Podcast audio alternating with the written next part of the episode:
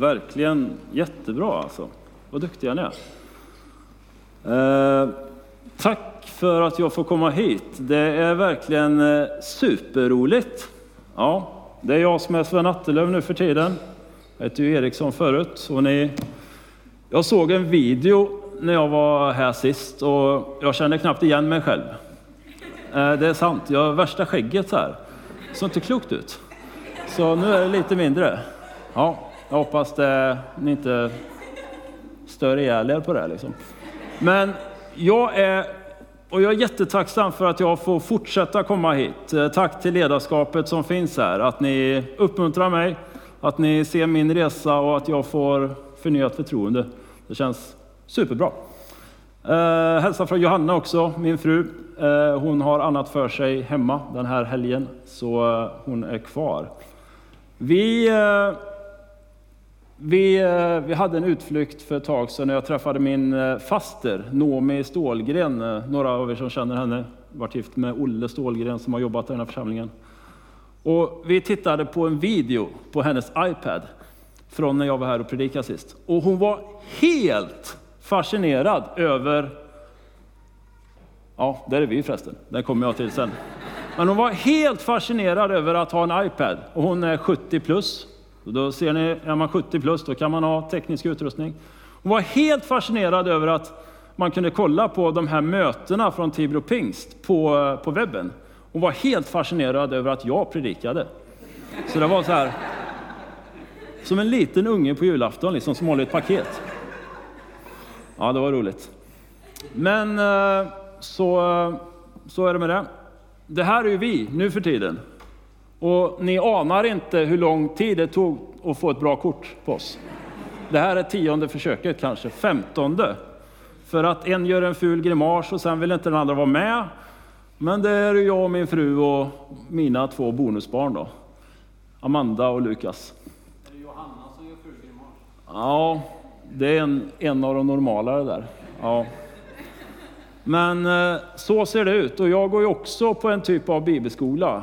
Eh, den heter Ledarskap och teologi och den är fyra år. Så eh, det är fantastiskt. Jag förstår att ni ger er ut på något bra, Amanda och Amanda. Det är superduper alltså. Vi har haft en underbar sommar. Jag var här senast för några veckor sedan.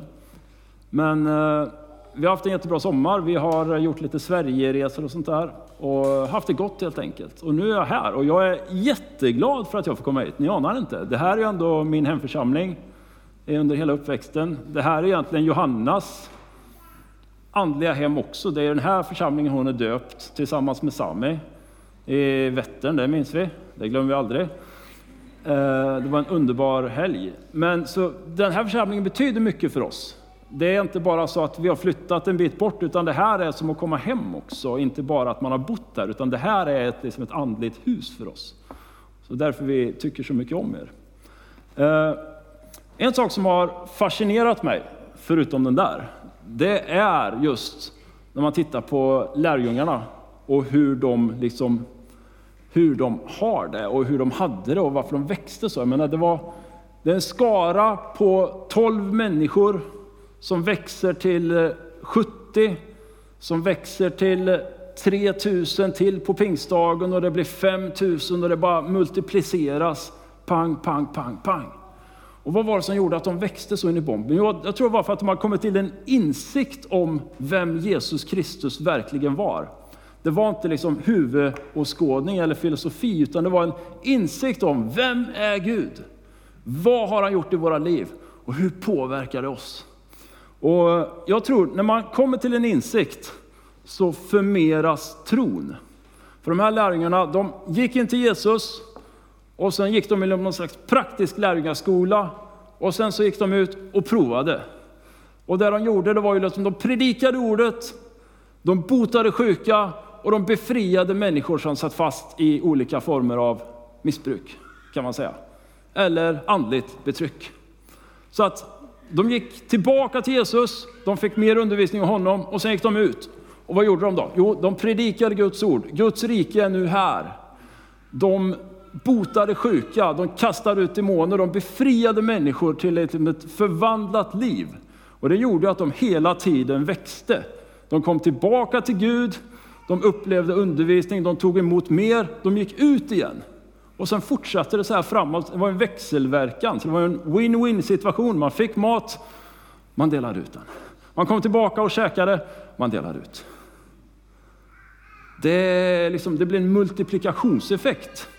Och det kommer jag att tala om idag, för jag kommer att tala om att Jesus mättar med livets bröd för resten av livet.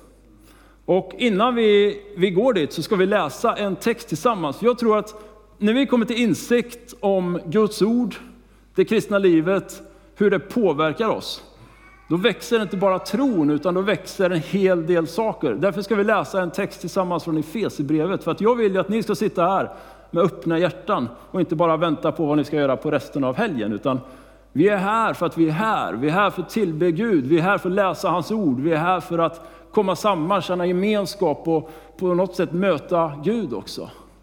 Så vi ska läsa en text från Efesierbrevet 1. Och jag tycker vi läser den tillsammans, alltså inte bara jag läser, utan vi läser den fullt ut. Så den kommer där.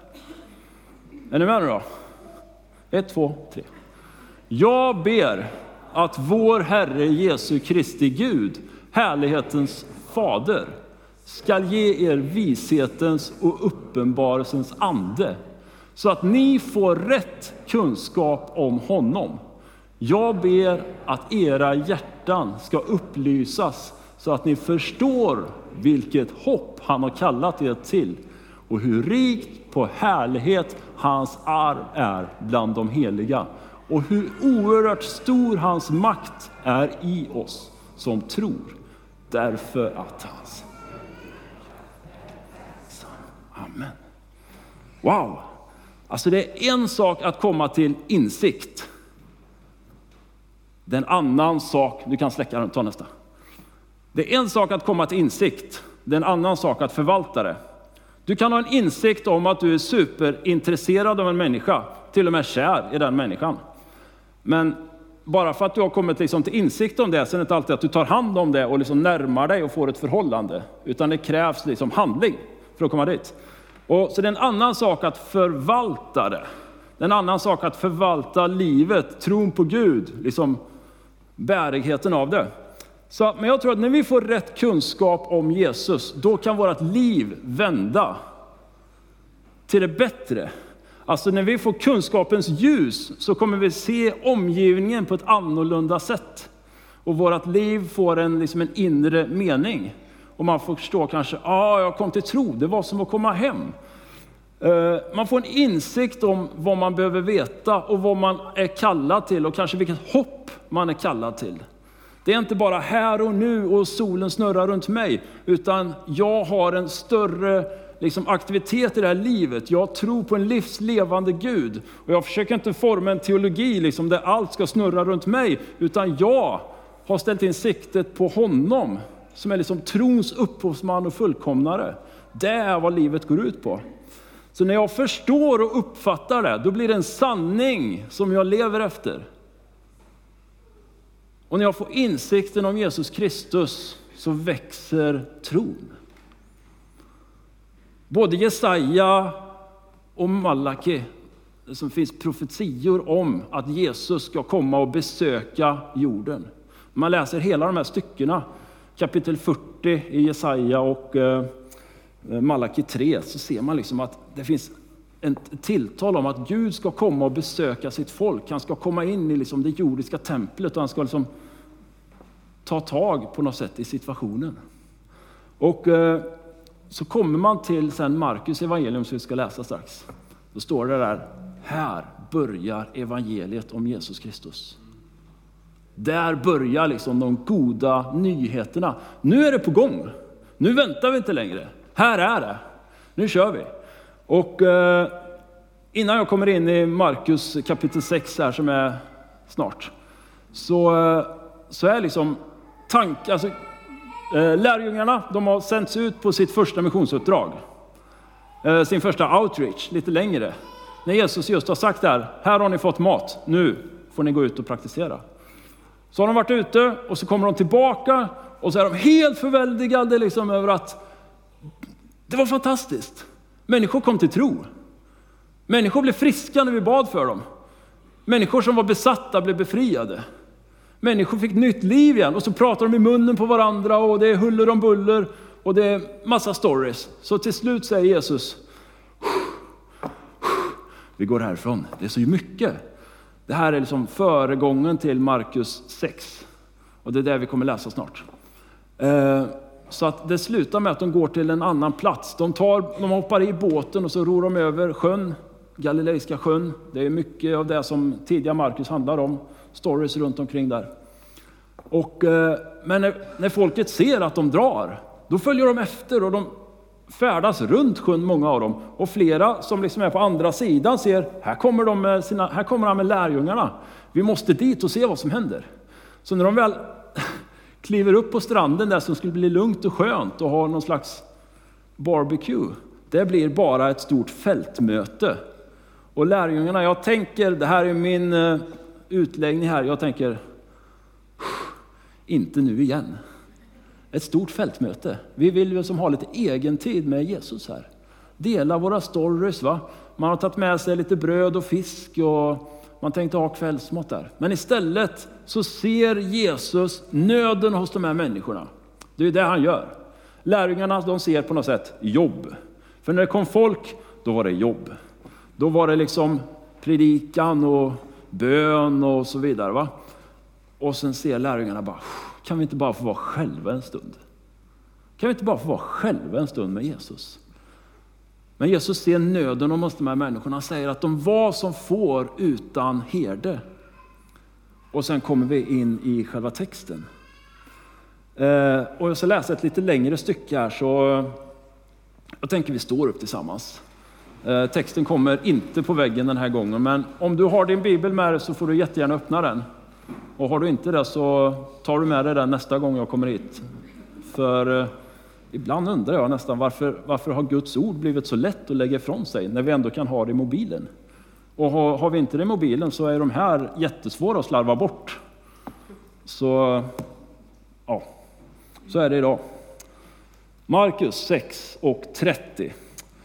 Apostlarna samlades nu hos Jesus och berättade för honom allt vad de hade gjort och vad han hade lärt folket. Han sa till dem, kom med mig till en öde plats där vi kan vara ensamma och vila er lite. Det var så många som kom så att de, dit de gick fick de inte ens tid för att äta. Så de får i båten till en öde plats för att få vara för sig själva. Men folk såg att de for iväg och många fick veta det. Så de skyndade dit till fots från alla städerna och kom före dem. När Jesus steg ur båten så fick han se en stor skara människor och han förbarmade sig över dem eftersom de var som får utan herde. Och han undervisade dem grundligt. Det var redan sent på dagen när hans lärjungar kom fram till honom och sa Den här platsen ligger ödsligt till och det är redan sent. Sänd nu iväg folket så att de kan gå till gårdarna och byarna här omkring och köpa sig något att äta. Men han sa Ge ni dem att äta. Då frågade honom Ska vi gå och köpa bröd för 200 denarer och ge till dem att äta? Alltså, hur många bröd har ni? Gå och se efter, och de tog reda på det och sa, fem bröd och två fiskar. Då befallde han att alla skulle gå och slå sig ner i gröngräset i skilda matlag. De satte sig ner i grupper om hundra eller femtio. Och han tog de fem bröden och de två fiskarna, såg upp mot himlen, tackade Gud, bröt bröden och gav åt sina lärjungar för att de skulle sätta fram mot folken. Han delade också ut de två fiskarna så att alla fick. Och alla kom tillbaka och blev mätta. Sen plockade lärjungarna upp brödstyckena och det blev över av fiskarna. Tolv korgar fulla. Och det var 5000 män som hade ätit. Boom! Stannar där. Alltså det är en fantastisk story. Varsågoda, sitt förresten. Eh, det är en fantastisk story när Jesus bryter med naturlagarna på något sätt, måste vara med fysiskt möjligt. Och bara lägger ut, eh, bara han exploderar det här undret mitt framför ögonen på dem. Att eh, när de säger att ska vi mata alla de här människorna? Det är ju helt galet. Men han vill också visa lärjungarna något speciellt. Och jag tror det var så att för lärjungarna så var det här som jag sa förut, det här var liksom arbete när det kom mycket folk nära Jesus. Men Jesus såg en möjlighet. Och eh, det Jesus gör det, det kommer att påverka resten av deras liv. För att de skulle, få ett, de skulle få se att det inte bara är Jesus som gör under, utan det händer genom våra händer också. Så när Jesus ser behovet så säger han, vad har du i din hand? Och det är det som är min första punkt. Vad har du i din hand? Alltså vad har ni med er? Eh, och lärjungarna tror jag blir lite perplexade och tänker att ja, men vi, vi har de här fiskarna, vi har de här bröden, men här står det liksom x antal tusen människor. Kanske 10 000 människor. Det är Tibro, så har ni lite att jämföra med. Eh, och så säger han bara, vad har ni med er? Varför? Det är inte bara jag som ska göra under, utan nu är det er tur att liksom praktisera. Va? Under våren och sommaren så har jag faktiskt lyssnat ganska mycket på eh, den här pastorn och författaren Thomas Sjödin. Han eh, skriver ju böcker och han är pastor i Smyrna i Göteborg. Och han har även en del eh, radioprogram, sommar och vinter i P1. Fantastiskt. De handlar egentligen inte om någonting, men de handlar ju om hans liv. Så det är jättesvårt egentligen att förklara vad programmet handlar om. Men det är om alla möjliga livshändelser och så bakar han in liksom Guds ord i de här styckena. Fantastiskt. Eh, och han berättar en gång när han upptäckte att predika handlar inte bara om att stå här på söndagsmöten utan han kan faktiskt predika utifrån de sammanhangen som man finns i. Och en av de här sakerna blev att kunna skriva böcker och en annan blev att kunna sända radioprogram. Så han såg på något sätt liksom, här kan jag predika bredare och sen kom han till insikt, vad har jag för någonting? Jo, jag har rösten, jag har teologiska studier bakom mig, jag kan skriva och jag får ett utrymme nu. va? Och jag har en massa jobbiga erfarenheter, men jag har också en erfarenhet om att Gud har brutit in i mitt liv när det har varit som jobbigast och liksom ställt mig på fast mark. Så han börjar ta alla de här sakerna och lägga ihop och det kommer ut i form av radioprogram, böcker, föreläsningar och så vidare. På så sätt så kan han predika till en mycket bredare skara. Och jag fick, eh, jag tänkte, det här måste jag testa. Och det var inte bara, det var lite forcerad vilja kan jag säga, för att det var en skoluppgift. Ni ska göra en podd på tre minuter som skulle kunna sändas på P1, så att hela Sverige hör den. Men vi kommer inte göra det. Men vi vill ändå att ni gör en sån uppgift. Och då tänkte jag, vad skulle jag säga om jag hade ett radioprogram på tre minuter som handlar om hur Gud har förvandlat livet? Då tänkte jag att det måste ju vara någonting jag gör som får en multiplicerande effekt. Och vi ska faktiskt lyssna på det avsnittet. Är du redo Felix? kör vi.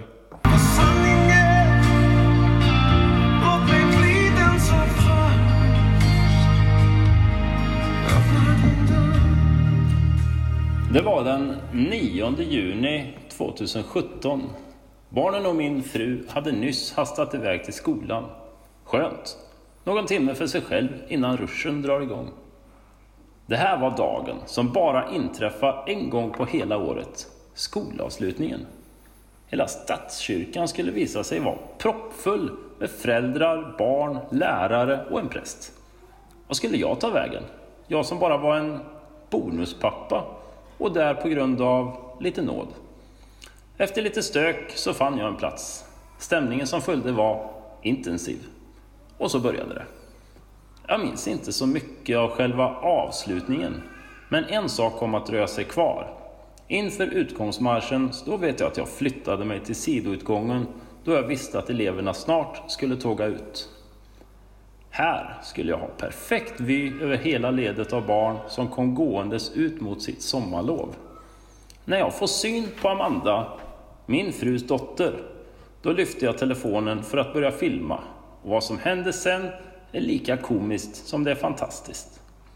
Denna lilla späda rosenknopp, blott sju år gammal, får syn på mig, spricker upp i ett stort leende, lämnar ledet, tittar på mig och utbrister Puss vän!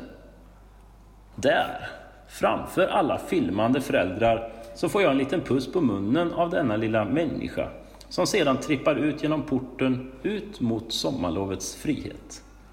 Där och då inser jag hur ren kärlek känns.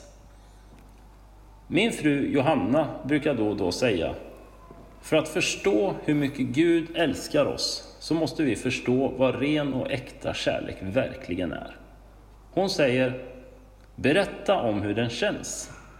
Då kan också andra börja upptäcka hur Gud verkligen älskar dem. Det blir en uppenbarelse. Insikten känns ofta, wow, är det så här? Följt av en förundran, oj, ja, det är så det är.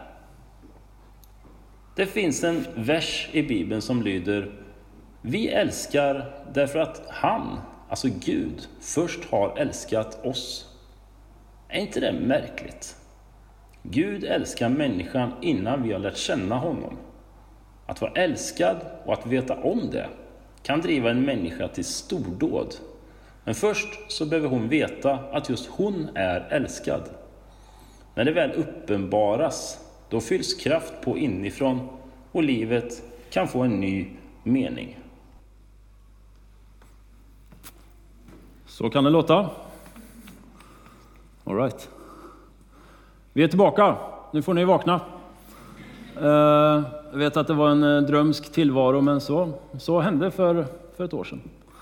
Eh, och där vill jag egentligen som bara, du kan, det du har i din hand kan du ge till flera genom att du får en multiplicerande effekt.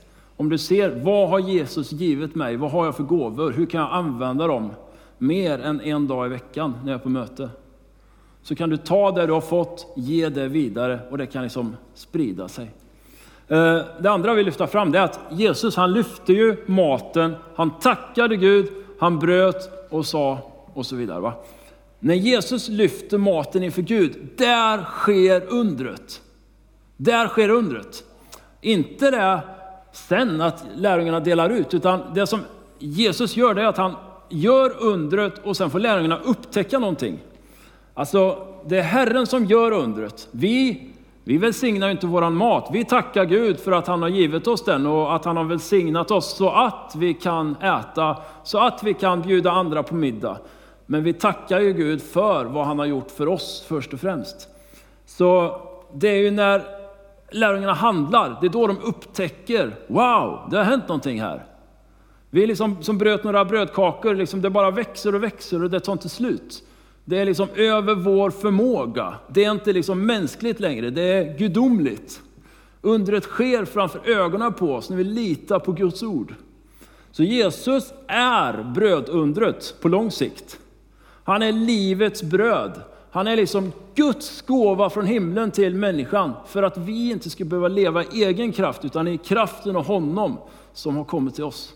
Så att han har kommit ner från himlen för att ge världen liv, eftersom han är livets bröd, så att människorna kan äta, liksom, ta del av honom och bli mätta.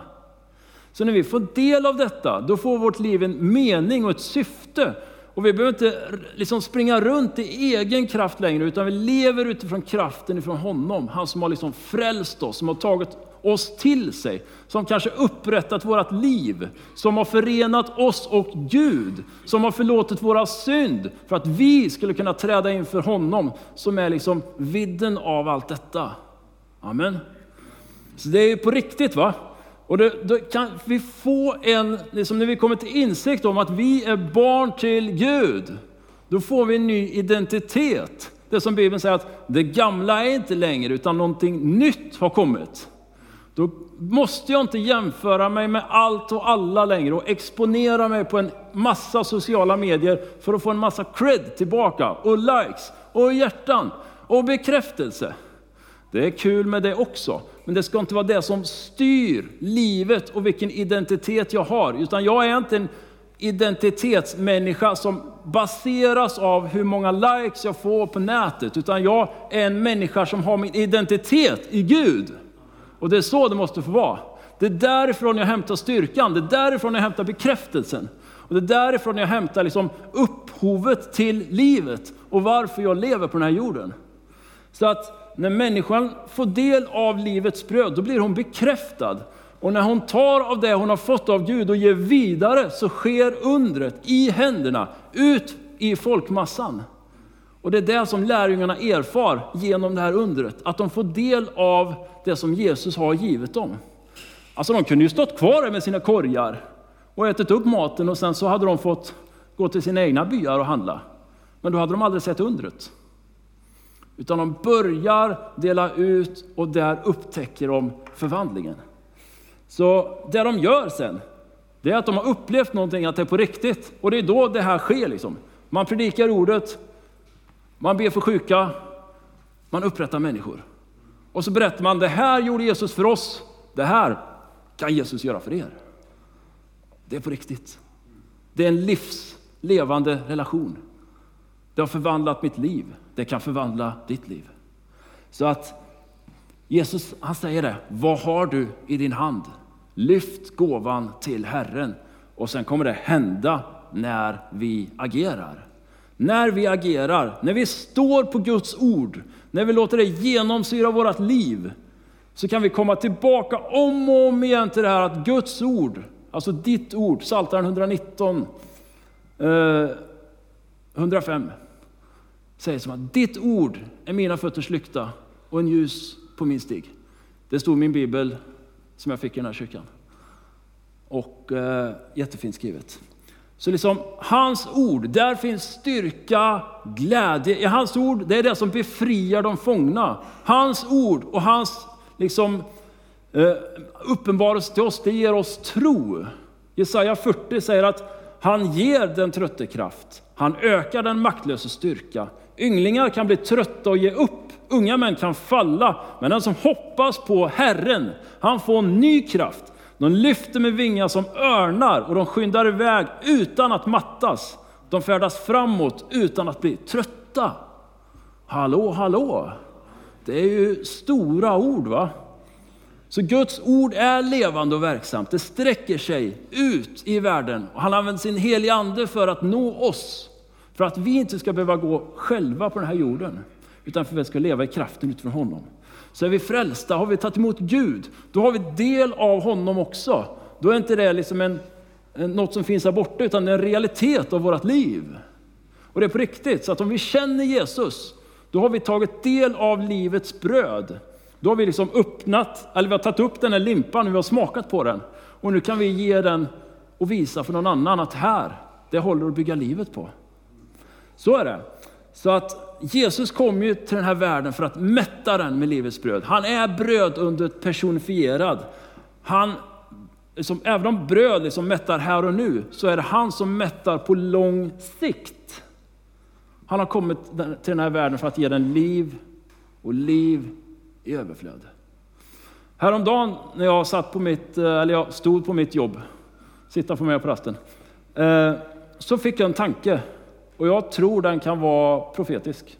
Men jag tror det är en hälsning till några här inne. För att det var så tydligt, så skarpt, jag var tvungen att sätta mig ner och bara skriva ner vad jag fick. För att det, ja, det bara kom till mig. Och jag tror att då och då så behöver vi kliva åt sidan för att ställa oss de svåra frågorna. Och om vi fortsätter att vandra på den vägen vi går på nu, är vi tillfreds med vart vi kommer hamna? Om vi översätter det till vårat liv eller vår församlings liv. Om vi fortsätter som vi gjort och som vi gör just nu, är vi nöjda med vart destinationen, alltså vart, till vilken destination vi kommer hamna. Eh, för att äkthet känns igen. Och den andra frågan var, är vi nöjda med vad vi har? Lever vi vårt kristna liv utifrån andras erfarenheter eller berättelser eller våra egna uppenbarelser? Så frågan är egentligen, ska vi leva av Herren och vad han vill ge oss eller ska vi leva i egen kraft?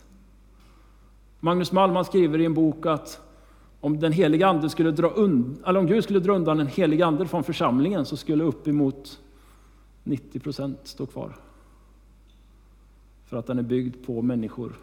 Och ibland har vi räknat lite för mycket med oss själva, när Gud borde få vara den som bygger huset. Det är starka ord, men jag blev så träffad när jag läste det. Och det kom till mig jätteskarpt. Alltså församling är holistisk, den omfattar hela livet. Men den är också till för att skapa en förundran över Jesus Kristus. Den ska ju genomsyra den här världen. Vi äger det bästa. Vi har fått limpan, eller vad du nu kallar det, brödet. Det som mättar, det som släcker törsten, det som mättar hjärtat. Men det finns vilsna och hungriga människor överallt. Och vi har alltid, varit, vi har alltid liksom nästan klappat oss för bröstet och sagt att vi är superbra på mission. Men nu har liksom missionsfältet kommit till det här landet. Så även om vi åker ut till människor som fortfarande ännu inte har hört om Gud, så finns det ändå ett helt missionsfält här i våra städer och vi kan inte blunda för det längre. Så frågan är egentligen, min avslutande fråga, vad gör du med din limpa? Bildligt sett. Vad gör du med din limpa? Snart så kommer vi fira nattvard tillsammans när vi tar del av och en påminnelse om Jesu kropp, Jesu blod, för vad som hände på korset. Och I och med det tillfället så kommer vi också ha förbön. Och jag har en inbjudan till dig och den, den riktar sig till mycket av det jag har predikat om. Alltså Jesus kom för att mätta dig med livets bröd. Men Jesus kom också för att du skulle få upptäcka och leva det livet som han faktiskt levde. Han kom för att ge dig liv och liv i överflöd. Men han kom också för att du inte skulle behöva leva livet på ditt vis, utan på hans, utifrån hans premisser. För ty så älskade Gud den här världen att han gav sin enfödde son till en värld som hade drabbats av egoism, av misär, och hunger och destruktion. För att människorna här inte skulle behöva leva för sig själva, utan de skulle kunna förenas med Gud som hade liksom dött och uppstått för dem genom Jesus Kristus. Att han levde sitt eget liv i 30 år och sen gjorde han det på korset som liksom bara utmanade en hel värld. Och sen så triumferade han över död och elände för att visa vilket liv du skulle kunna få leva i honom när du tar del av hans evangelium. Så när vi tackar ja till Jesus, då får vi liksom ta del av hans liv. Han kommer för att ge människan liv. Att vi må vara födda in i den här världen, men den här världen behöver inte definiera resten av vårt liv. För att vi kan bli definierade och bekräftade av Jesus Kristus. Så när vi går inför nattvarden här nu, så kan det som var trasigt i vårt liv bli upprättat. Om vi böjer knä här, eller om vi lyfter våra händer, eller om vi buffar på en förebedjare och säger du, jag är en av de där som behöver bli mättad med livets bröd. Och sommaren är typiskt, nu har det varit sjukt varmt i sommar, men sommaren är en ökenperiod många gånger. För det är mindre möten och ungdomssamlingar och det är mindre av mycket som har med kyrkoaktiviteter att göra. Så tron kan liksom få en, en dämpad effekt. Och så kommer man tillbaka och så känner man sig lite vilse eller lite obekväm för att ja, man har varit ifrån ett tag. Man har fastat helt enkelt. Men jag tror Gud vill inbjuda dig till möte med honom. För att du i tillbedjan och förbönen ska få uppleva hans närvaro. Jag tror inte att det är några få som behöver, jag tror vi är många som behöver bli välsignade av honom för att få en, liksom en, en ny start för hösten, en kick-off för hösten. Men Gud vill mätta med det levande brödet. Och det enda som kan hända egentligen, det är att du får ett möte med Gud. Det är det minsta som kan ske. Och det kanske kan vara värt att unna sig, eller vad tycker ni? Det är ju ändå därför som vi är kristna. Vi, vi har upptäckt att tron på Gud är på riktigt. Och vi kan fortsätta möta honom. Vi kan få ha en livslevande relation med honom. Att det är inte något vi bara pratar om, utan det är något som vi lever. Det är ett äkta liv. För mycket idag handlar om självförverkligande. Att jag ska skapa mitt eget liv, att jag ska förverkliga mig själv och jag ska bli bekräftad. Och när jag inte känner det här, då känner jag mig vilsen. Men Jesus har kommit till den här världen för att bekräfta dig, för att ge dig liv. Och du har liksom blivit en kungason, du har blivit en kungadotter. Vad kan väl vara större än det?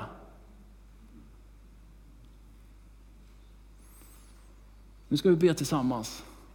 Och så ska vi gå in för nattvard. Och ni, vi som tjänar i nattvarden, ni är välkomna fram. Så gör vi oss i ordning. Men jag tackar dig Herre för att vi inte bara får samlas i ditt namn, utan för att vi får bli mättade av livets bröd, av det brödet som släcker våran hunger, av det som ger vårat liv liksom eh, mättnad, att du är livslevande, att du inte är en Gud uppe på en pinne uppe i luften, utan att du är levande och verksam Herre. Du mättar med livets bröd, men du har också kommit till den här jorden för att ge vårat liv en mening, för att upprätta det som var trasigt. Att människan hade lämnat Gud en gång i tiden, men du kom för att upprätta den här relationen här, för att vi skulle ha liv och liv i överflöd Herre. Prisar ditt underbara namn för att du är på äkta vara. Du är en levande Gud och du triumferar över döden Herre. Vi prisar ditt namn för att vi får stå på ditt ord idag. Att vi får leva utifrån vem du är Herre, vilka vi är i dig och att vi får ett syfte och en mening genom att vara dina barn Herre. Att du har kallat oss till dig Herre, att du har tagit upp oss i din famn. Prisa ditt underbara namn för att det är på riktigt Herre. Så när vi delar nattvarden tillsammans nu så får vi minnas av vad du har gjort för oss Herre. Tack gode Gud för att du är min far. Tack för att du är min frälsare, men tack också för att du har mättat mig med livets bröd. Tack gode Mästare. Välsigna den här församlingen Herre, för hela hösten som ligger framför, för den här församlingsdagen och utmaningar och möjligheter och härliga stunder. Vi tackar dig för alla de här åren som, har, som du har givit mig Herre. Jag tackar för att du har uppenbarat dig i mitt hjärta Herre. Och jag ber att du ska uppenbara dig i varenda kottes hjärta här. Att de får se att de är söner och döttrar till en mästare att de är liksom fullständigt bekräftade utifrån vem du är. Jesus Kristus, kommer din helig ande och förlös. Ber att din vind skulle få komma och blåsa över den här församlingen Herre. Till upprättelse, till hälsa, till liv, till vederkvickelse. Så att vi kan bli starka som lejon Herre. Att vi går in i ett bön som små kattungar, men vi kommer ut därifrån som lejon för att vi har varit med dig en stund Herre. Vi bara växer inifrån och ut och vi får bli, bli stora. Vi kliver upp på ditt ord och då växer vi, blir stora och starka Herre. Tack himmelske far för att det är på riktigt. Tack för att du är en livslevande Gud Herre. Och du har sträckt dig ut till oss alla och bara dragit oss nära dig och vi får ha gemenskap med dig. Vad kunde vara större? Jesus Kristus, prisa ditt underbara namn. Lägger allt i dina händer. I Jesu Kristi namn. Amen. Amen. Amen.